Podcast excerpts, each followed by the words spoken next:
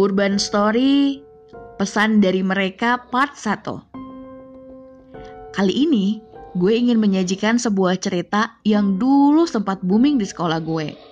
Hmm, mungkin bukan hanya sekolah gue aja, lebih tepatnya semua sekolah di kota gue. Tentang sebuah cerita yang masih terpatri dalam ingatan gue tentang kehadiran mereka yang nyata adanya. Seperti yang gue katakan, cerita ini dulu hampir diketahui semua anak sekolah. Mungkin ada pesan yang ingin disampaikan dalam cerita ini, sehingga cerita ini sangat cepat tersebar. Pesan itu adalah dalam tanda kutip, "Kami ada." Dan gue akan menceritakannya dari sudut pandang gue sebagai dia. Dia yang mengalami semuanya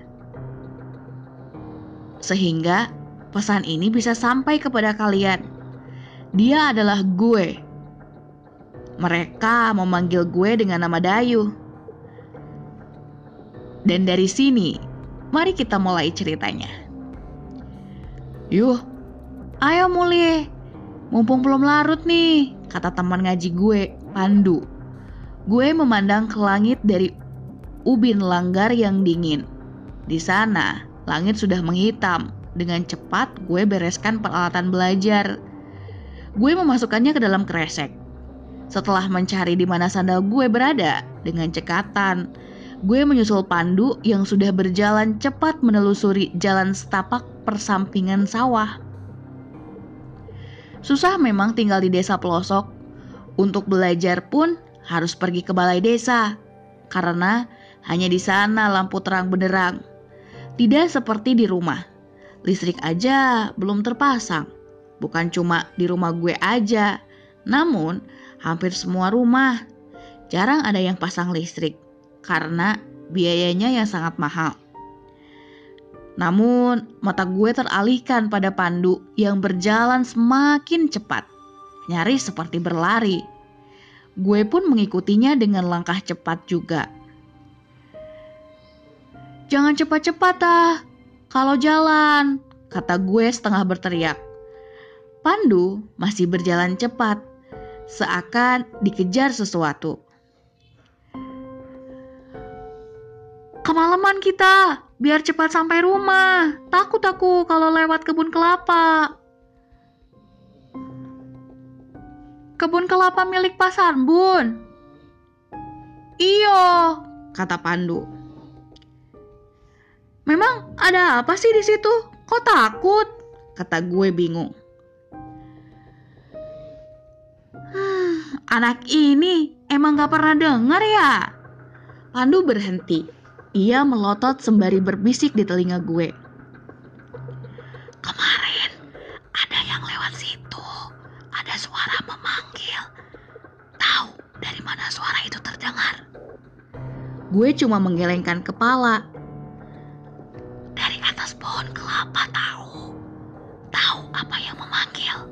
Tanya Pandu.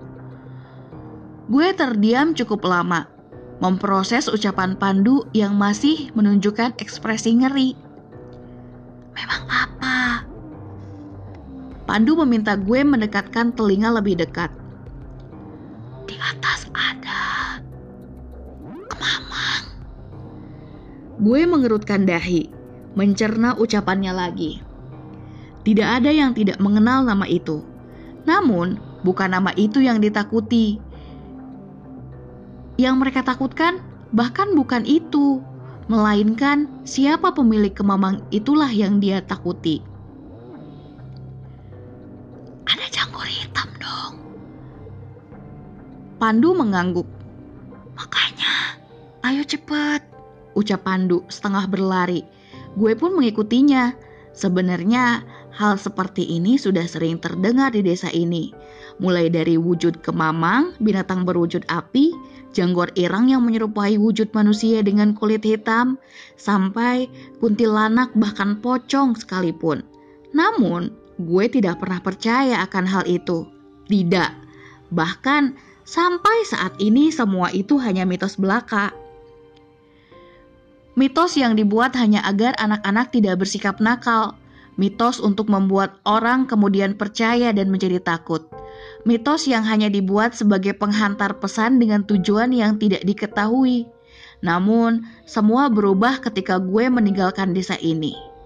Gue masih ingat bagaimana Pandu mengantar gue sampai ke stasiun. Bagaimana gue mengucapkan salam perpisahan dan kami tidak pernah bertemu lagi. Di kota, bapak yang seorang PNS mendapat sebuah rumah dinas baru semua itu merubah ekonomi keluarga gue sejak bapak naik pangkat. Gue tentu harus siap dengan gaya hidup yang baru, punya sekolah baru, punya teman baru. Bahkan pada hari itu, seolah menjadi titik dari semua hal baru yang gue miliki. Di mana ibu melahirkan seorang anak perempuan, adik gue, Hanif. Di hari pertama sekolah, gue banyak mendapatkan teman baru, namun, yang paling dekat dengan gue hanya Tio dan Hendra. Dua anak yang kelak akan menjungkir balikan dunia gue sampai gue nggak tahu lagi bagaimana biar gue tetap sadar dengan dunia ini. Siang itu, Tio dan Hendra banyak membahas tentang cerita-cerita hantu. Mulai dari penanggalan Jawa, Primbon, sampai ke cerita kuntilanak di jalan. Jujur, gue nggak peduli dengan itu. Semakin lama cerita itu terus-menerus terdengar di telinga gue. Sampai gue akhirnya muak dengan mengatakan bahwa gak ada yang namanya kuntilanak, gak ada yang namanya hantu. Apalagi percaya pada penanggalan Jawa atau primbon. Semua itu hanya mistis, hanya mitos. Gue masih ingat, Tio dan Hendra tidak terima. Jadi dia menantang gue untuk membuktikan. Gue putar pertanyaannya, Bagaimana cara gue bisa membuktikannya? Entah apa yang gue pikirkan waktu itu. Setelah tiba-tiba Tio dan Hendra mengatakan, Berani merjur nggak? Gue nggak paham apa itu merjur. Sampai mereka mulai menceritakannya. Dan gue cuma mengerutkan dahi mendengarnya. Merjur adalah sebuah tindakan di mana kita memeras jeruk nipis di atas darah orang yang meninggal. Terdengar lucu sih, namun gue menerimanya. Toh itu semua mitos belaka. Gue tanya di mana bisa mendapatkan darah orang meninggal. Dan tampak dua teman baru gue bingung. Karena waktu itu kami hanyalah anak SMP yang masih terbatas dalam segala hal. Gertakan gue setidaknya cukup membuat dua teman gue nggak melanjutkan cerita mereka. Tidak sampai saat itu. Sekolah SMP gue hanya berjarak beberapa meter dari pasar. Tidak jauh dari sana, lalu lalang kendaraan besar menjadi pemandangan yang biasa. Seusai bel pulang sekolah, seperti biasa, satpam mengamankan jalan. Tidak ada yang aneh dari semua itu. Kemudian, terdengar suara orang menjelit. Ceritanya membuat seisi pasar heboh dan kemudian tertuju kepadanya yang tampak shock melihat pemandangan di depannya. Seorang wanita terlindas truk tronton di mana badannya tergilas hingga kepala si perempuan memutar mengikuti roda. Kejadian itu berlangsung sangat cepat. Namun sialnya, gue melihat semuanya. Melihat bagaimana wajah wanita itu. Kepalanya tersangkut di sela antara roda dan kap dalam ban.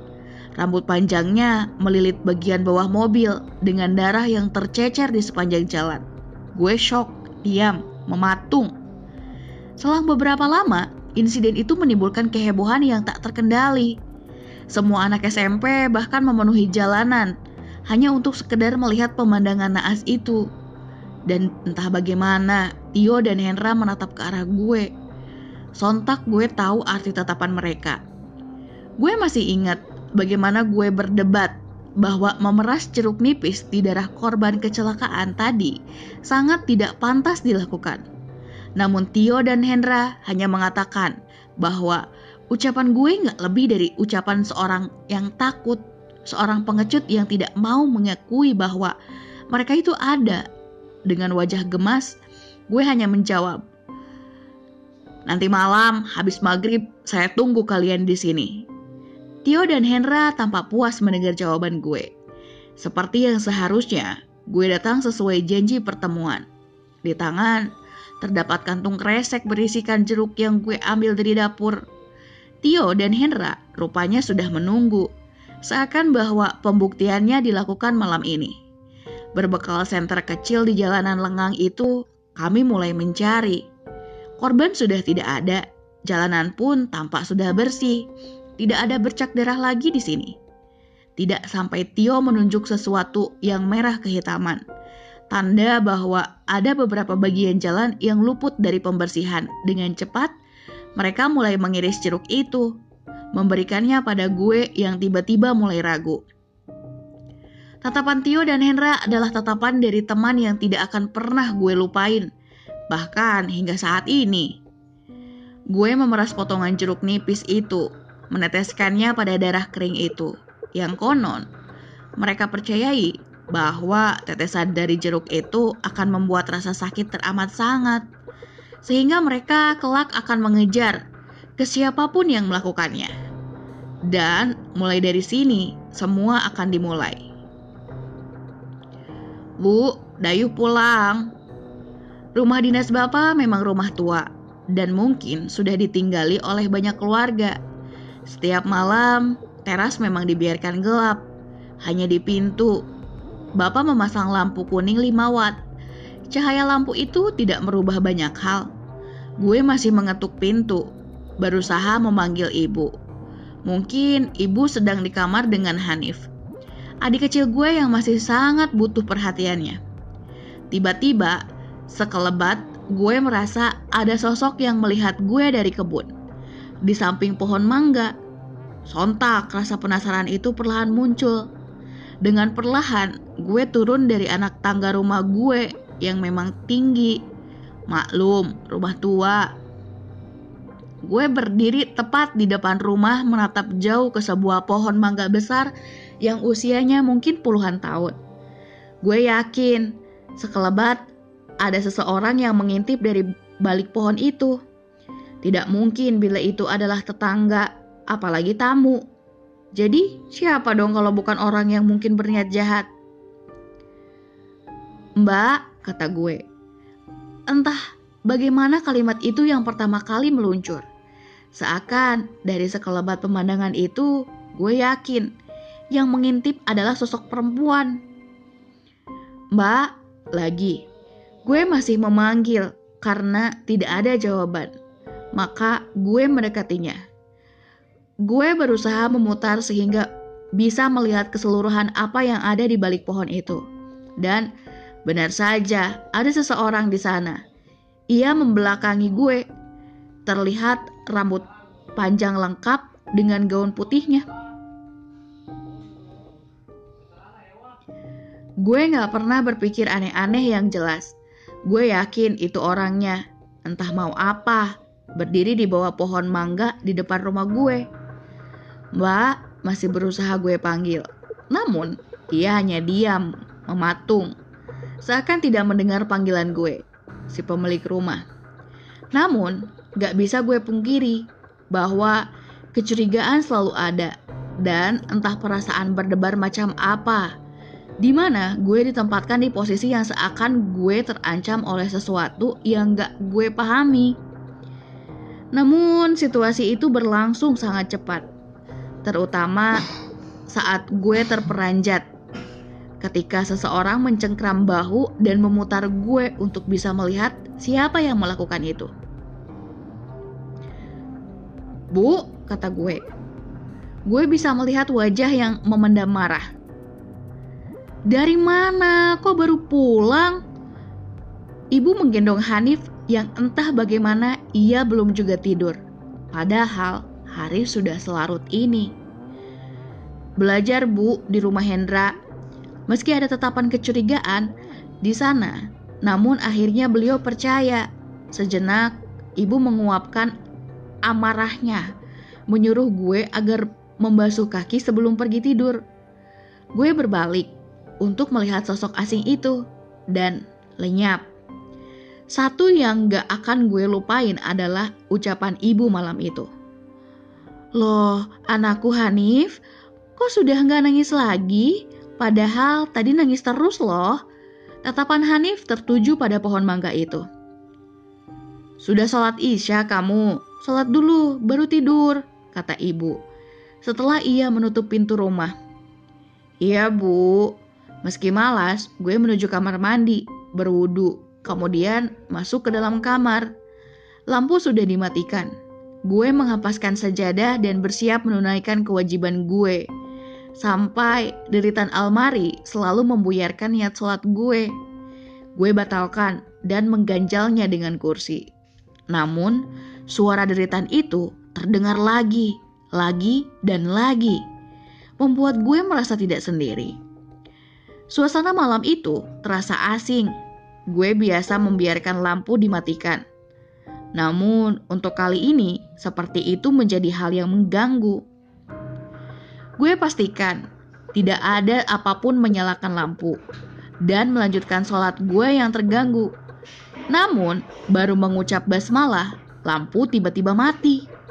Meski matinya lampu membuat gue terkejut, namun gue memaksakan melanjutkan sholat dan terlihat bayangan seseorang melewati jendela kamar gue. Gue terhenyak dong untuk sesaat, memejamkan mata dan tetap memanjatkan bacaan sholat. Apa yang gue lihat, apa yang gue rasakan hanyalah segelintir perasaan paranoid dari apa yang gue lakukan tadi. Jadi, gue menolak untuk percaya. Maka, gue memaksakan sholat. Tepat ketika gue bersujud, terasa ada sosok asing sedang asik duduk di atas ranjang tidur gue, tepat di samping gue sholat. Perasaan tidak enak itu terus berlangsung sampai akhir ketika gue mengakhiri sholat gue. Tidak ada siapa pun di sana, hanya gue sendiri yang masih tidak habis pikir bagaimana bisa gue separanoid ini. Puncak kegelisahan ini adalah ketika terbangun dari tidur di mana hari masih sangat gelap. Karena haus, gue pergi ke dapur untuk sekedar menghilangkan dahaga. Manakala gue melangkah keluar dari kamar, gue bisa mendengar suara Hanif yang tengah tertawa. Kenapa ia masih belum bisa tidur?